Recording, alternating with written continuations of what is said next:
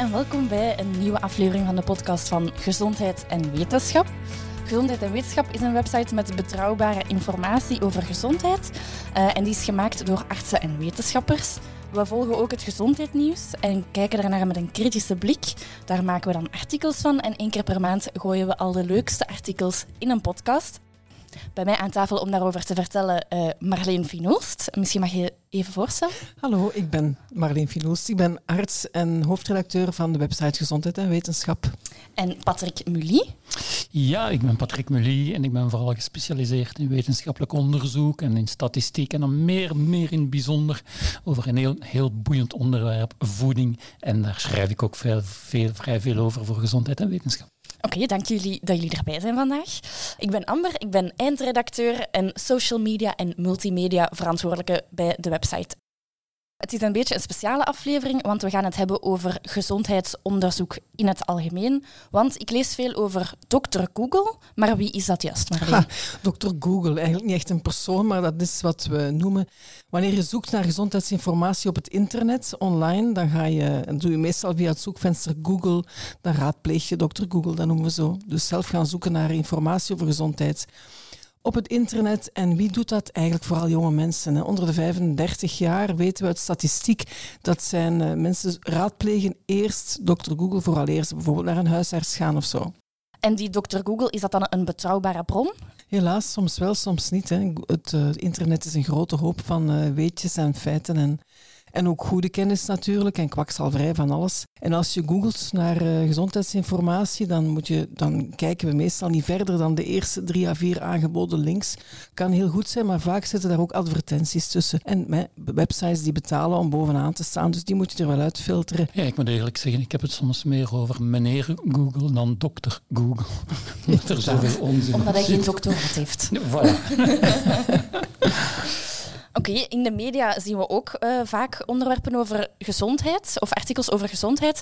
Um, zijn die dan betrouwbaar als ik op een VRT ga kijken bijvoorbeeld? Ah, in het algemeen weten we dat voor alle media samen, en dat is radio, televisie, dat zijn alle mogelijke magazines en kranten en zo verder. We weten dat meer dan de helft van al dat gezondheidsnieuws eigenlijk verkeerd wordt weergegeven of gewoon fout is of commercieel getint. Dus meer dan de helft is niet betrouwbaar. Men heeft dat, eh, dat wordt onderzocht. Uh, en ja, dus dat is niet, niet zo goed, hè. komt er niet goed uit. En hoe komt het dan dat er zoveel fouten staan in dat nieuws? Wel, dat is niet uh, altijd te wijten aan de journalist die het artikel schrijft, belangen niet. Het is heel, het is heel vaak de onderzoeker zelf, hè, want heel veel gezondheidsnieuws is gebaseerd op nieuwe studies. En het is de onderzoeker zelf die eigenlijk zijn nieuws graag in de media brengt. Want als je in de media komt, heb je ook meer aandacht en meer kans op onderzoeksgeld. Dus het is belangrijk voor onderzoekers om in de media te komen. En hoe doe je dat in de media komen? Bijvoorbeeld door een een communicatiebureau onder de arm te nemen en die maken van jouw onderzoek een leuk persbericht. En dat persbericht wordt uh, dan vaak overdreven. En het is ook, uh, ja, het zijn journalisten die dan eigenlijk vaak weinig weten of weinig achtergrond, vaak weinig weten over gezondheid, wil ik zeggen natuurlijk, hè. weinig achtergrond hebben in uh, wetenschap.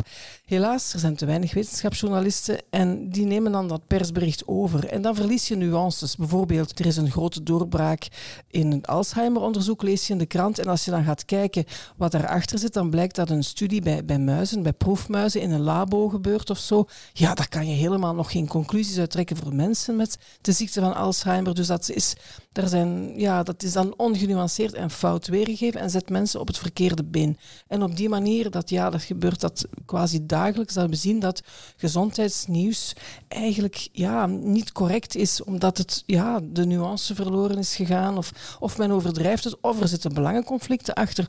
Ook iets wat we heel vaak zien, zeker in voedingsonderzoeken. Inderdaad, Marleen. En ik denk ook de media heeft een belangen conflict. Dat is, ze, willen vooral veel lezers hebben. En veel lezers ga je niet hebben met een saaie titel van eet eh, twee porties groente per dag en drie stukken fruit, want dat stuk kan niemand kopen of niemand lezen.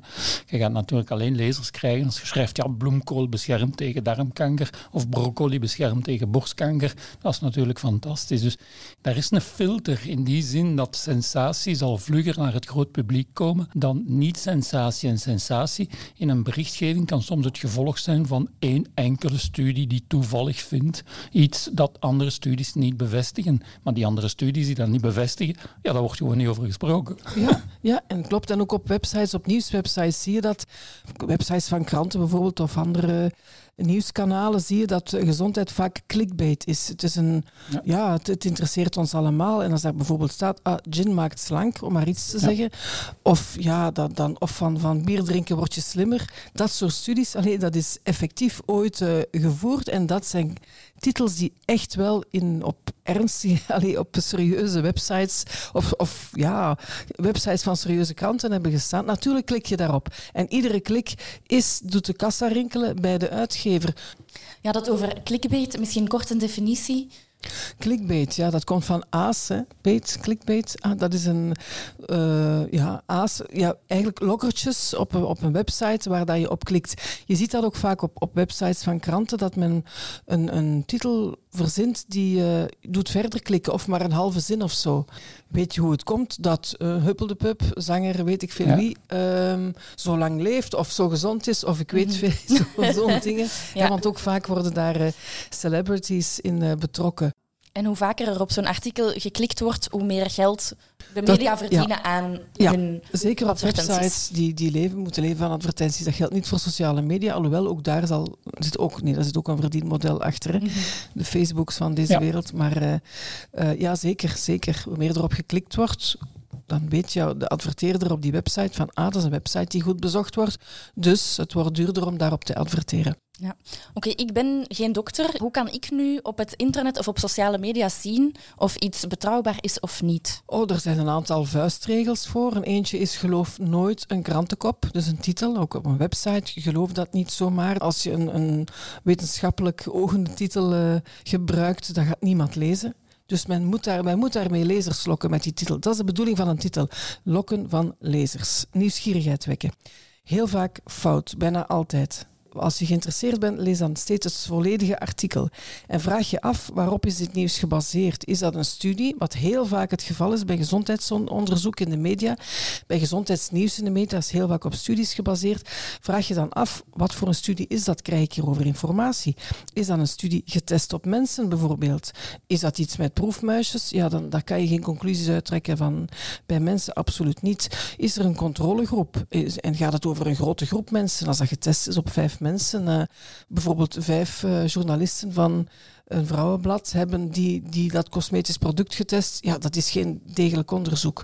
Dus kijk naar waarop is het nieuws gebaseerd. Wat voor een studie is dat? Is het geen expertopinie of reclame, verdoken reclameboodschap? Dus kijk daar eens kritisch naar. Weet in uw achterhoofd dat het meer dan de helft van, de, van het gezondheidsnieuws in de media eigenlijk fout is. En een laatste belangrijke, gebruik je gezond verstand. Inderdaad, en ik denk, en ook een vuistregel is, ja, dat is sensatie. In de wetenschap zit er niet zoveel sensatie, zeker niet in de voeding. Er is geen enkel voedingsmiddel dat u zal beschermen tegen kanker en hart- en vaatziekten en dementie. En men zou dat graag hebben en ik zou de eerste zijn om het te gaan eten. Hè. Moest het bestaan, ik zou dolgelukkig zijn, gezien mijn leeftijd. Maar uh, het bestaat niet. Dus als dat bericht zo sensationeel is van zwarte bessen beschermen of je wordt daar heel oud van of weet ik veel.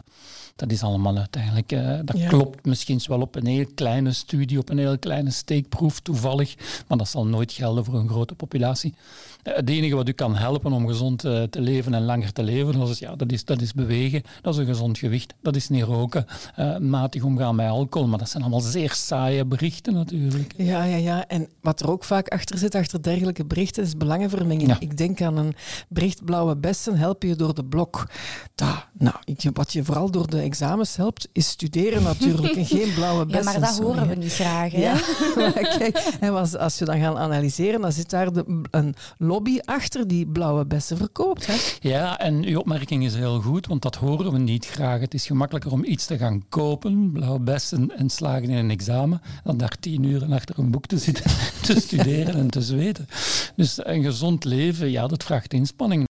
Ja, en rond frisdrank, rond chocolade, dat zijn grote lobby's eigenlijk. Hè? Ik denk dat is de tweede zaak die we lezen in een studie. Hè. De eerste zaak is de titel en de tweede zaak is helemaal onderaan in piepkleine lettertjes. Wie heeft de studie betaald? Want heel dikwijls, als je die twee gelezen hebt, kent je de studie al. Als die Ja, studie betaald wordt ja. door een firma of weet ik veel, weet je zeer goed dat die in een bepaalde richting gaat. Maar dat staat natuurlijk niet in de krant. Hè? Maar Nee. ik herinner mij zo van die studies van eh, zwarte chocolade is goed voor hart- en bloedvaten. Dat is betaald door de chocolade-industrie. Dat staat niet in de krant. Hè, van let op, dit is betaald door de chocolade-industrie. dat staat wel op onze website, maar niet, helaas niet in die artikels. Ja, en je moet ook weten, veel mensen denken dan aan die studies worden gemanipuleerd. Dat is niet waar. Die studie wordt gedaan. En als het resultaat positief is, dan verschijnt dat in de pers. En als het resultaat niet positief is, dan verschijnt dat in de vuilbak van dat bedrijf. Dus Ja. er is een selectie aan de basis Ja. van alles wat positief is voor ons product, komt naar buiten. En alles wat negatief is, Ja. oh, zullen we maar over zwijgen. Ja, ja, ja, inderdaad, zo is dat. Men, men doet zeer veel studietjes, honderden studietjes, en af en toe komt er dan ah, een positief resultaat uit. En dat gaat men in de media pushen, en de anderen gaat men overzwijgen. Misschien eh, heb ik zelf nog één tipje als niet-wetenschapper. Ehm, je kan altijd gaan kijken op gezondheid en wetenschap.be, want wij factchecken vaak gezondheidsnieuws dat in de media komt, om te zien is het waar, is het niet waar. En dan schrijven we daar een mooi artikeltje over. Ja. En dan weet je zeker, het is door wetenschappers eh, geschreven, dus wat daarin staat is juist. En wat wij ook zeer dikwijls doen, dat is ons oordeel nooit laten steunen op één studie. We proberen altijd samenvattingen van studies te, op te zoeken. Men noemt dat systematic reviews, dus eigenlijk een systematische zoektocht naar alle mogelijke studies over een onderwerp. En dan krijg je zo een gemiddelde mening over al die studies en niet eh, gebonden aan één uitzonderlijke studie die een uitzonderlijk resultaat laat zien. We hebben het dus gehad over eh, journalisten die hun titels al eens aanpassen om meer kliks te krijgen en dus meer centjes. We hebben onderzoekers die ehm, al eens kunnen overdrijven om meer onderzoekscentjes te krijgen. Eh, zijn er zo nog dingen? Ha. En mensen staan graag in de belangstelling. Hè? Ja, Dat is ook zeker een reden waarom men graag in de media staat. ja. En vroeger was dat heel moeilijk. Vandaag de dag internet. Ja. Ja. vandaag de dag met internet, met Facebook en zo verder. Eender wie kan eender wat posten. We zonder- maken een filmpje op TikTok en wat Ja. daarin staat, gaat iedereen zomaar geloven. Want ik denk dat dat altijd bestaan heeft, bepaalde bronnen van, van vals of slecht nieuws. Maar vandaag de dag gaat dat natuurlijk, circuleert dat veel sneller dan, dan 20, 30, 40 jaar geleden. Ja, we moeten maar kijken hoe influencers op Ja. Instagram het doen. Hè. Die worden ook gesponsord door bepaalde bedrijven om Ja. bepaalde producten in de picture te zetten. Ja, dat is ook een vorm van misinformatie. Ze vinden dat misschien leuk om daar iets aan bij te verdienen, maar je zet wel wat, heel wat mensen op verkeerde benen. We hebben het al even gehad over belangenvermenging. Dus hè, een Côte dat een chocoladestudie gaat sponsoren bijvoorbeeld.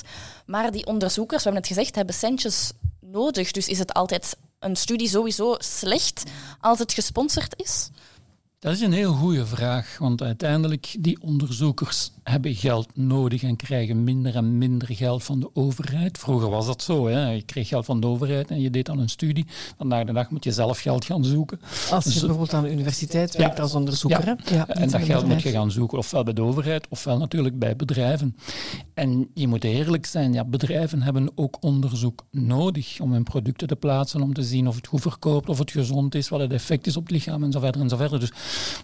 op zich is er niks verkeerd aan een samenwerking tussen een bedrijf en een universiteit. Maar daar moeten wel duidelijke spelregels zijn en die zijn er vandaag de dag niet. Het is een beetje de onderzoeker die dat geld krijgt en die dan dat onderzoek leidt. Eigenlijk zou dat geld neutraal moeten ergens staan en iemand zou dan moeten, een soort arbiter, zoals een arbiter op het voetbalveld, zou dan moeten kijken of het bedrijf correct is. Dat wil zeggen, de onderzoeker niet verplicht van dingen te doen die hij niet wil doen.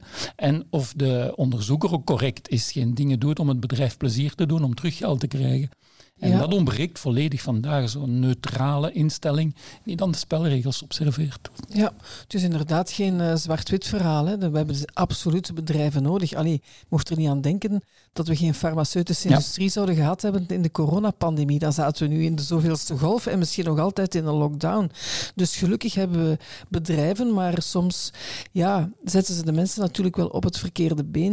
En het is wat Patrick zegt, er zijn te weinig middelen voor degelijk wetenschappelijk onderzoek. En dan, ja, dan, dan krijg je die belangenvermenging. Of anders uitgedrukt, je moet je onafhankelijkheid kunnen betalen ook. Inderdaad. Uw centjes moeten van ergens komen. hè? Ah, onvermijdelijk.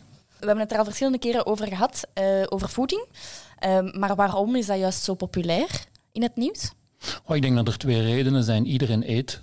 Dus iedereen is geïnteresseerd in een of ander voedingsbericht. En ten tweede, iedereen eet. Met andere woorden, dat is een enorme markt. Dat zijn 11 miljoen Belgen die dagelijks veel consumeren. Dus daar zit enorm veel geld achter. Als, je, als je een bericht hebt over, weet ik veel, kniepijn, dat is maar een kleine markt. Over een ziekte van Crohn, dat is 50.000 mensen. Maar ja, voeden, dat is 11 miljoen. Wij hebben het hier als uh, oude rotten over het nieuws op de tv, op de radio. Um, maar eigenlijk, als we kijken naar de jongere generatie, zij zitten vooral op TikTok, op Instagram. Hoe zien we het nieuws daar? Ik denk dat uh, de, het aandeel aan uh, foute gezondheidsinformatie daar nog veel groter is. Het probleem daar nog veel groter is, omdat er eigenlijk ja, helemaal uh, geen kritische blik is voor alleen iedereen kan daar nieuws brengen. En in een krant heb je toch nog een journalist die toch in het beste geval toch wel nog eens goed gaat kijken van klopt dit wel of wat onderzoek doet. Dat heb je niet op sociale media, dus dat is toch wel gevaarlijk, ja.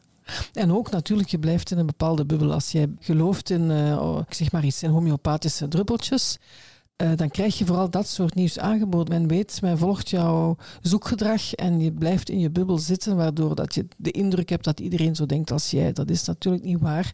Dat is wel een probleem. Ja, en soms is het ook wel goed bedoeld. Uh, ik denk bijvoorbeeld aan iemand die, die, die vindt dat hij uh, betere stoelgang heeft met spuitwater. Wel, zo wat, ik ben blij voor hem, maar die gaat dat dan veralgemenen.